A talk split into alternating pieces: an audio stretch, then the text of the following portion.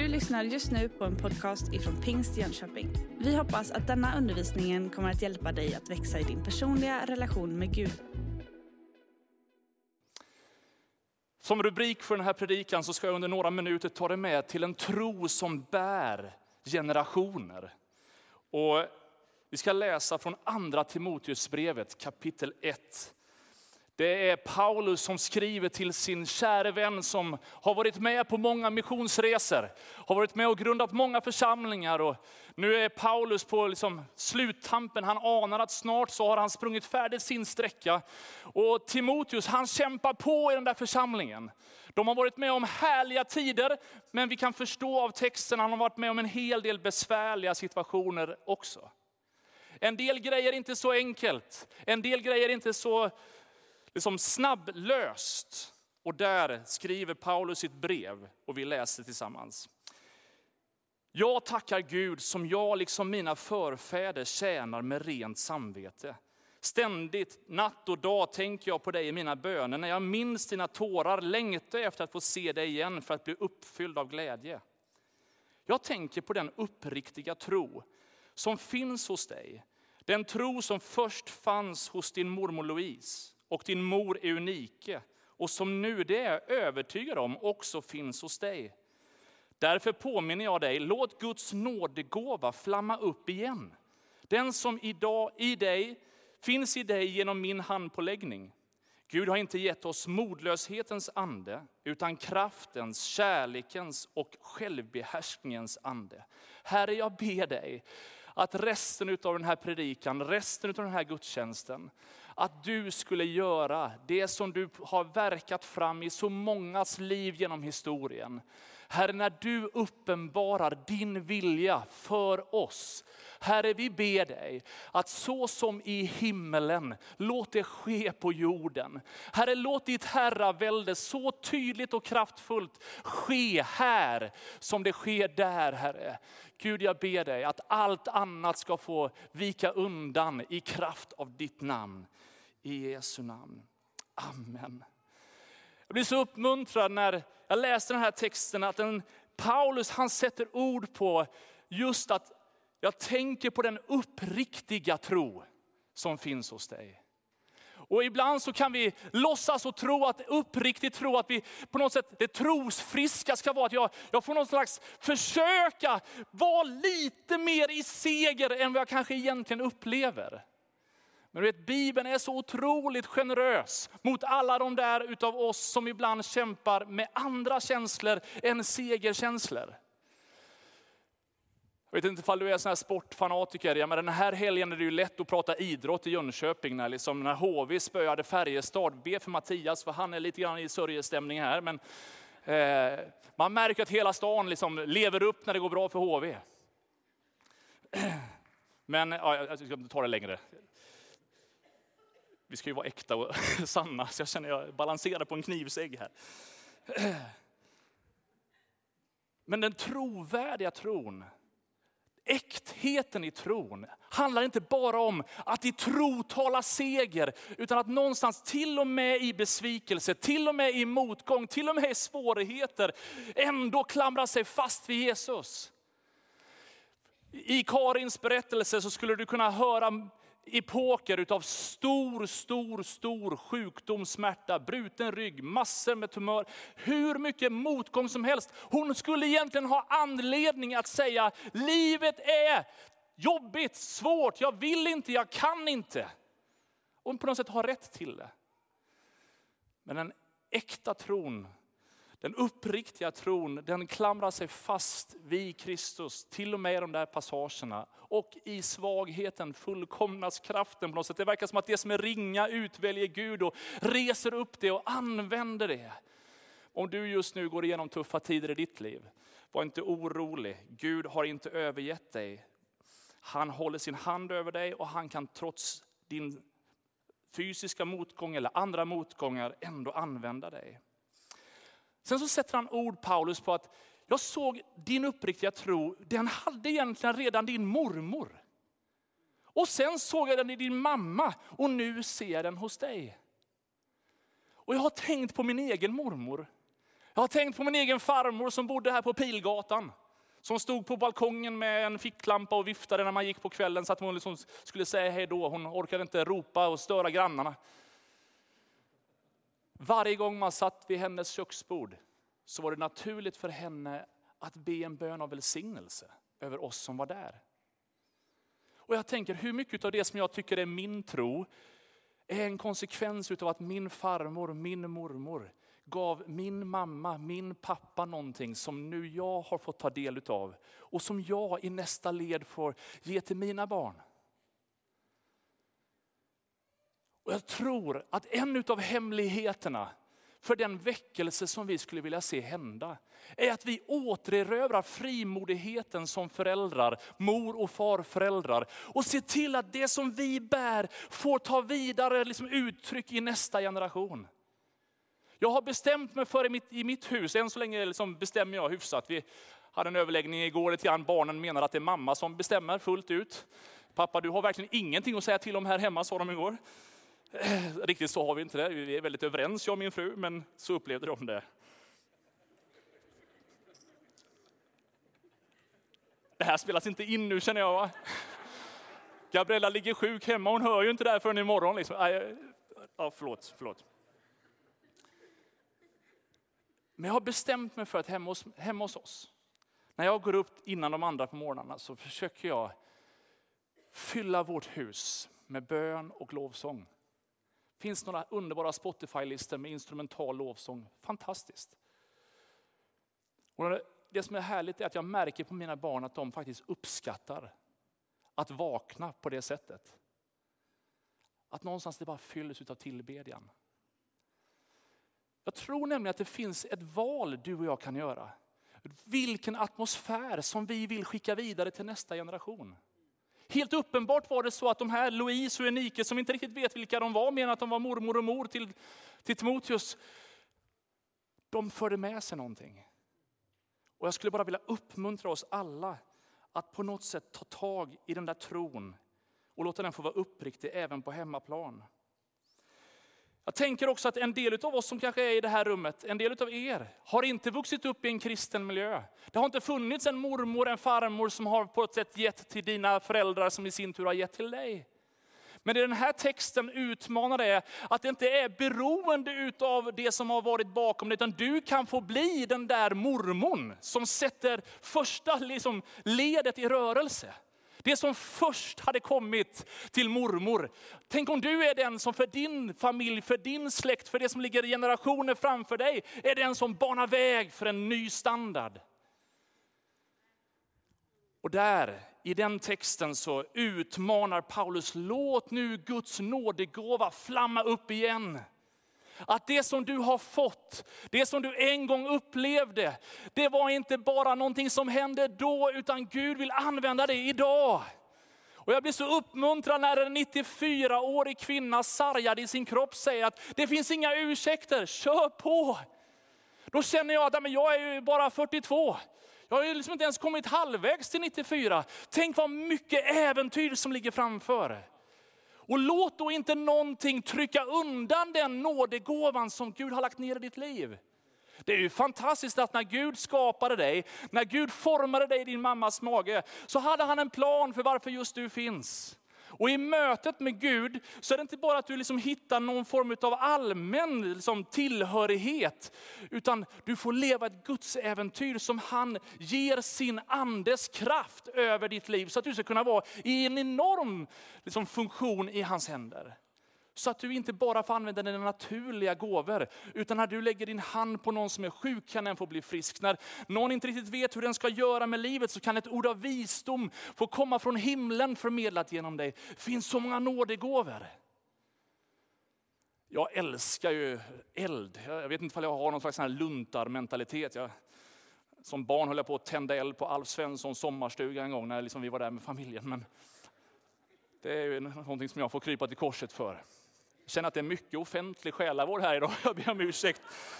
Men det... Men du vet, så mycket kan jag av elden att man kan kväva elden. Det är ju liksom så man försöker göra när elden släpps lös på ett farligt sätt. Och jag har tänkt, vad är det som kväver den elden? Om Gud vill att alla ska komma till insikt om sanningen.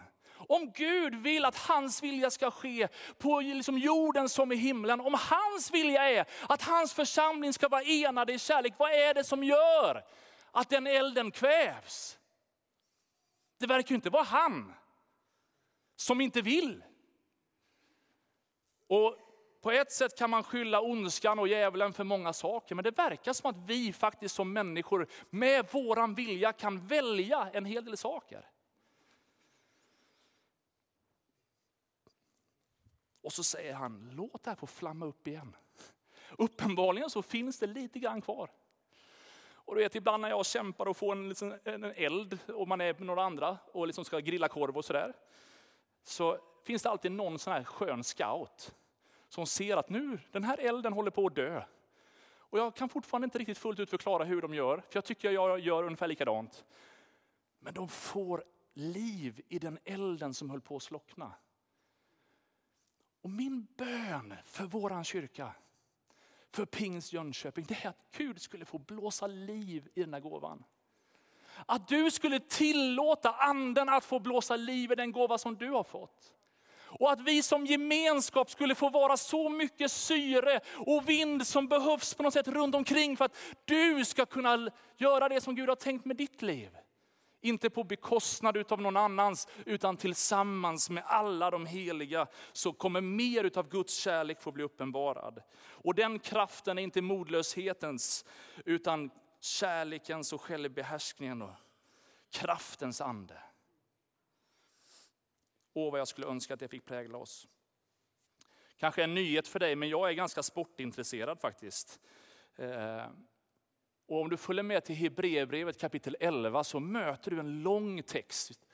Där textförfattaren skriver om redan från begynnelsens början massor med trons hjältar genom historien som fick tag på någonting från Gud och i tro på det han sagt var uthålliga, höll fast vid det som Gud hade lovat.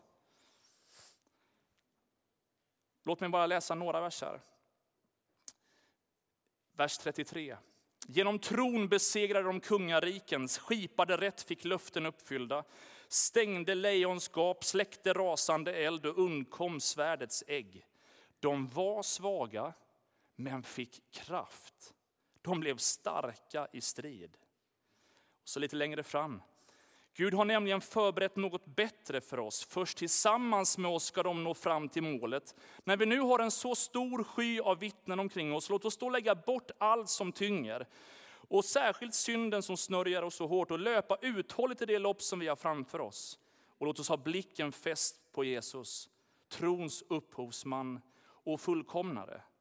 Tänk på honom som fick utstå sådan fiendskap från syndare så att ni inte tröttnar och tappar modet. De var svaga, men de blev starka. 2018, en del saker var inte bra i vår kyrka, men Gud har inte övergett oss. Han har stora planer. Det finns mycket i vår historia att vara stolta över, men vi har inte riktigt sett de senaste decennierna i Sverige en stark massiv våg av människor som söker sig till Kristus. Men jag är helt övertygad om att när vi ödmjukar oss och ber och säger Gud, förbarma dig över oss. Låt din eld få flamma upp igen i oss och att vi ger utrymme för det i våra liv. Så är jag övertygad om att det här stafettloppet som vi är en del utav inte kommer avbrytas utan fullföljas med kraft. Om du kan lite grann av en stafettlopp så vet du att den, det är en som springer en sträcka och ger stafettpinnen vidare till nästa. Och här är det nästan svindlande när författaren säger att till och med Mose och Abraham och de andra behöver oss. Det är som att de sitter liksom och eh, hejar på oss, en sky utav vittnen, en himmelsk hejaklack som bara, kom igen nu, vi har sprungit vår sträcka, nu hoppas vi att du springer bra din sträcka. Tillsammans med de kristna, med de heliga, i alla tider som ligger bakom och tider som ligger framför så får vi vara en del. Och här är ju utmaningen. Om den här mormon till Timoteus hade en uppriktig tro som gjorde att barn, mamman till Timoteus fick tag på evangeliet. Den uppriktiga tron och sen har det liksom förts vidare. Hur hanterar jag den stafettpinn jag håller i den generation som vi är?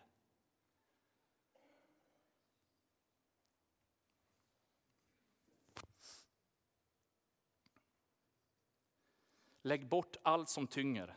Löp uthålligt i det lopp som vi har framför oss. Låt oss ha blicken fäst vid Jesus.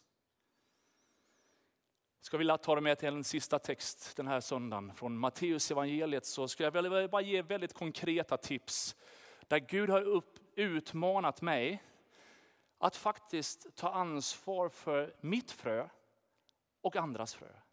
Och att du på samma sätt får ta ansvar för det frö som Gud har lagt ner i ditt liv och de frön som är planterade i människor runt omkring dig. I den här bibeltexten så står det så här. En såningsman gick ut för att så och när han sålde föll en del vid vägen och fåglarna kom och åt upp det. En del föll på stenig mark där det inte hade mycket mylla. Och det kom upp snabbt eftersom de inte hade djup jord. Men när solen steg sveddes det och eftersom det saknade rot vissnade det bort. En del föll bland tistlar och tistlarna sköt upp och kvävde det. Men en del föll i god jord och gav skörd hundrafalt och sextiofalt och trettiofalt. Hör du som har öron. Så hör nu vad som menas med liknelsen om såningsmannen. När någon hör ordet om riket men inte förstår det kommer den onde och rycker bort det som såddes i hans hjärta. Detta är sådden vid vägen. Det som såddes på stenig mark är den som hör ordet och genast tar emot det med glädje, men han har ingen rot inom sig utan tror bara för en tid. När han möter lidande eller förföljelse för ordets skull så kommer han genast på fall. Det som såddes bland tistlar är den som hör ordet, men världsliga bekymmer och bedräglig rikedom kväver ordet så att det blir utan frukt. Men det som såddes i god jord är den som hör ordet och förstår och bär frukt, hundrafalt, sextiofalt och trettiofalt. Fåglarna kom och åt upp det. Himlen har en plan. Gud vill någonting. Någonting sås in i mitt liv. Så dyker de här sörja fåglarna upp. Som har någon förmåga att det som var planterat rycks bort. Vilket ansvar har jag för att skrämma bort de där fåglarna? Vilket ansvar har jag att lyfta en trons sköld som gör att djävulens alla brinnande pilar som försöker skjuta saker i sank inte når fram. Det verkar ju som att den goda jordmånen inte bara kommer av sig själv, utan jag kan faktiskt påverka den. Om det är stenigt, om det är tistlar, om det är massa fåglar. Jag kan faktiskt påverka vilka förutsättningar det himmelska fröet får i mitt liv. Vi lever ju i fastans tider inför påsken. Och jag vet inte hur väl du liksom praktiserar fasta i ditt liv, men jag skulle bara vilja uppmuntra dig liksom under den här perioden lite extra. Låta Gud få utrymme att skala bort en del saker.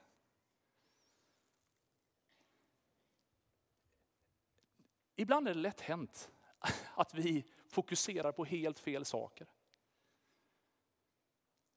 När vi går ifrån en gudstjänst så har vi ibland en förmåga att prata mer om allt det där som på något sätt bara är på yta. Vad är det som bedömer en god predikan? Om du liksom ska recensera mig efter den här söndagen. Är det en bra predikan eller en dålig predikan? Vad, vad är det som är liksom avgörande för det? Guds ordet är ju levande och verksamt. Så om jag med allt jag försöker göra inte riktigt lyckas åstadkomma det som du tycker att jag borde åstadkomma. Skräm bort alla fåglar och bevara Guds ordet. När du kommer till kyrkkaffet, tala om Guds ordet. Se till så att inte massa andra saker plockar bort det där himmelska, så att du åker härifrån och har på något sätt nästan glömt vad du var med om. Det var lättare i vår familj när barnen var små. Vi kunde prata om en del saker för att de somnade vid klockan sju. Nu får man ju på något sätt hoppas att de på något sätt har somnat någon gång, för man känner att nu går jag och lägger mig i alla fall.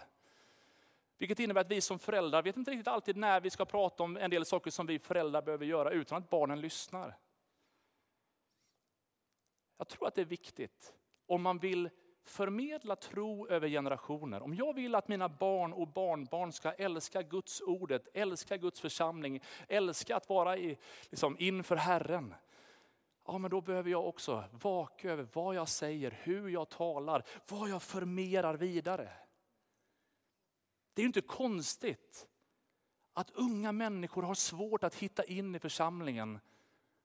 Om jag som förälder talar och prioriterar på ett sätt som avslöjar att jag har helt andra tankar om den. Kan det vara så? Att jag behöver skrämma bort en och annan fågel. Det där som försöker rycka bort och bara säga nej, jag, jag behöver bara låta Guds ordet få ta plats. Jag har märkt att när jag firar gudstjänst i andra delar av världen, när hela liksom, det är så många kulturella uttryck som är så annorlunda mot oss i Sverige, så märker jag att har jag fokuset på yttre ting, då känner jag mig helt utanför. Men har jag fokus på att nu möts vi tillsammans inför Gud, så går jag alltid hem välsignad. Jag blir alltid berörd. Det finns ingen tråkig gudstjänst, det finns inget dåligt möte. Vi samlas i Jesu namn, han är ju där. Så om jag går hem och känner att det här var en dålig gudstjänst, då har jag ju uppenbart inte varit där. För han är ju där.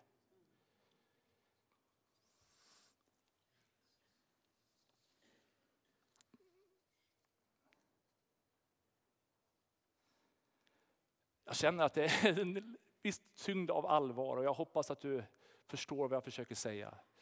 Jag är inte ute efter att peka pekfingrar, utan någonstans bär jag på en en bön som är lite sorg över hur vi ibland som kyrka går vilse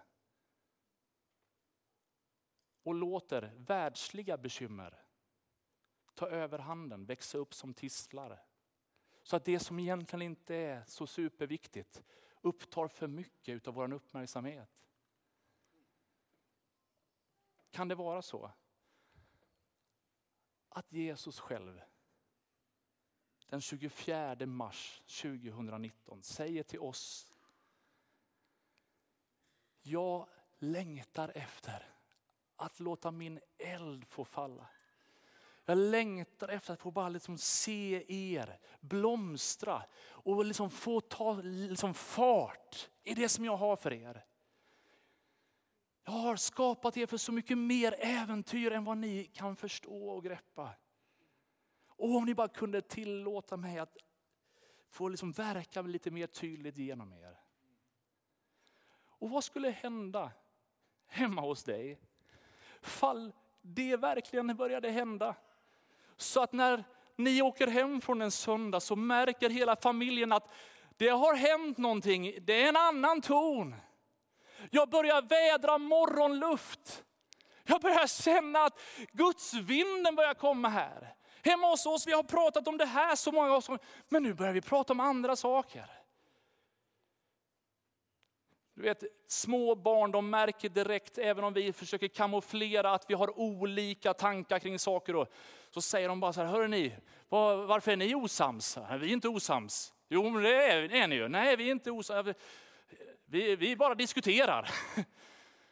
De känner av skillnaden i temperaturen, i tonläget. Och min bön är att likt Timoteus mormor och Timoteus mamma som med sin uppriktiga tro gav förutsättningar för Timoteus att fullfölja sitt lopp. Så ber jag att vi ska få vara en kyrka över generationer som säger bara vi står vid varandras sida. Vi ska i enhet, enade i kärlek vara med och applådera varandra. Så att den sträcka som är våran tillsammans med alla kristna genom alla tider som på något sätt hänger på vår generation ska känna att ja, men här finns det några som springer sitt sträcka. Har du sett liksom på tv de senaste dagarna när Stina Nilsson och de andra damerna, de är ju helt enorma i skidspåret. Men de är inte bara där och gör sin egen sträcka och tänker bara nu är all uppmärksamhet på mig, utan alla är förberedda för sin grej, men är snabbt där för att uppmuntra, peppa, stödja, ge det bästa förutsättningar för den som ska ta nästa steg. Vi som är äldre än de som är yngre, vilket ansvar vi har. Vilken förmån det är att få vara med och liksom ge de bästa förutsättningarna för nästa generation. Om Jesus dröjer, om inte han kommer det här året, så hoppas jag att alla de som nu firar gudstjänst ner i alla möjliga rum här i söndagsskolan, att de ska få vara med och liksom ta sin sträcka på en, med ännu bättre förutsättningar. För att det finns andliga mödrar och fädrar som finns där, har banat väg, ber, välsignar. Du har just lyssnat på en podcast ifrån Pingst Jönköping. För att få reda på mer om vilka vi är och vad som händer i vår kyrka så kan du gå in på pingstjonkoping.se eller följa oss på sociala medier via pingstjkpg.